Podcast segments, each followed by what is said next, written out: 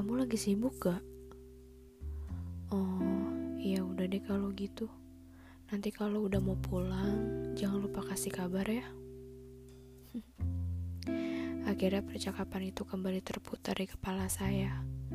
Saat-saat di mana pertanyaan lagi sama siapa, lagi di mana, lagi ngapain, dan pulang jam berapa, jadi pertanyaan yang paling sering terngiang di kepala tapi gak selalu bisa diutarakan.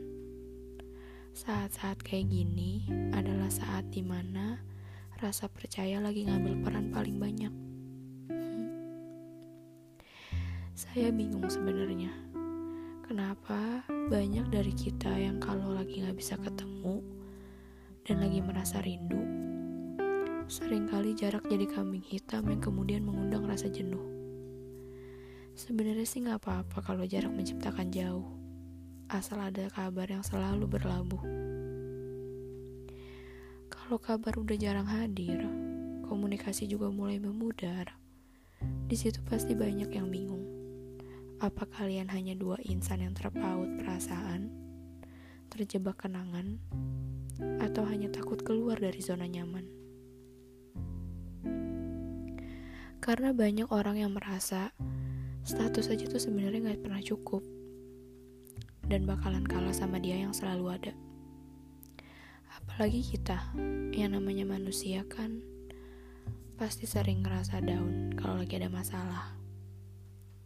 Nah, di saat yang ada selalu di sana untuk berbagi rasa dan cerita, kadang banyak hati yang gak bisa diajak kerja sama.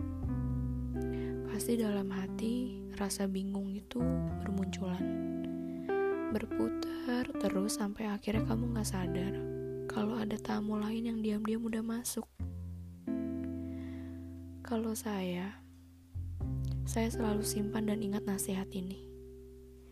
Sebenarnya segala sesuatu itu bisa aja terjadi di antara dua manusia kayak kita. Mau yang lagi deket, mau yang lagi jauh. Tapi, apa yang terjadi selanjutnya itu ada di tangan kita setiap respon kita akan menentukan cerita ke depannya. Tapi memang mulai sedikit dari kita kan yang lebih memilih cerita yang baru. Mulai pelan-pelan menjauh dari seseorang yang seharusnya masih ada hak buat tahu kabar kamu. Intinya menurut saya, walaupun rasa percaya itu penting, tapi komunikasi itu juga gak kalah penting karena komunikasi adalah hal sederhana yang bisa menimbulkan rasa percaya. Buat kamu yang pernah ngalamin ini, pesan saya sih, tenang aja. Saya yakin kok, itu tanda Tuhan mau ngasih tahu ke kamu kalau dia itu bukan orang yang tepat. Saya nggak bilang jahat loh ya, tapi cuman hadir di waktu yang salah aja. Tapi kalau buat kamu yang masih punya pergumulan sama jarak, saya akan beri doa terbaik dari sini. Dan jangan lupa tanya benar-benar sama hati kamu ya.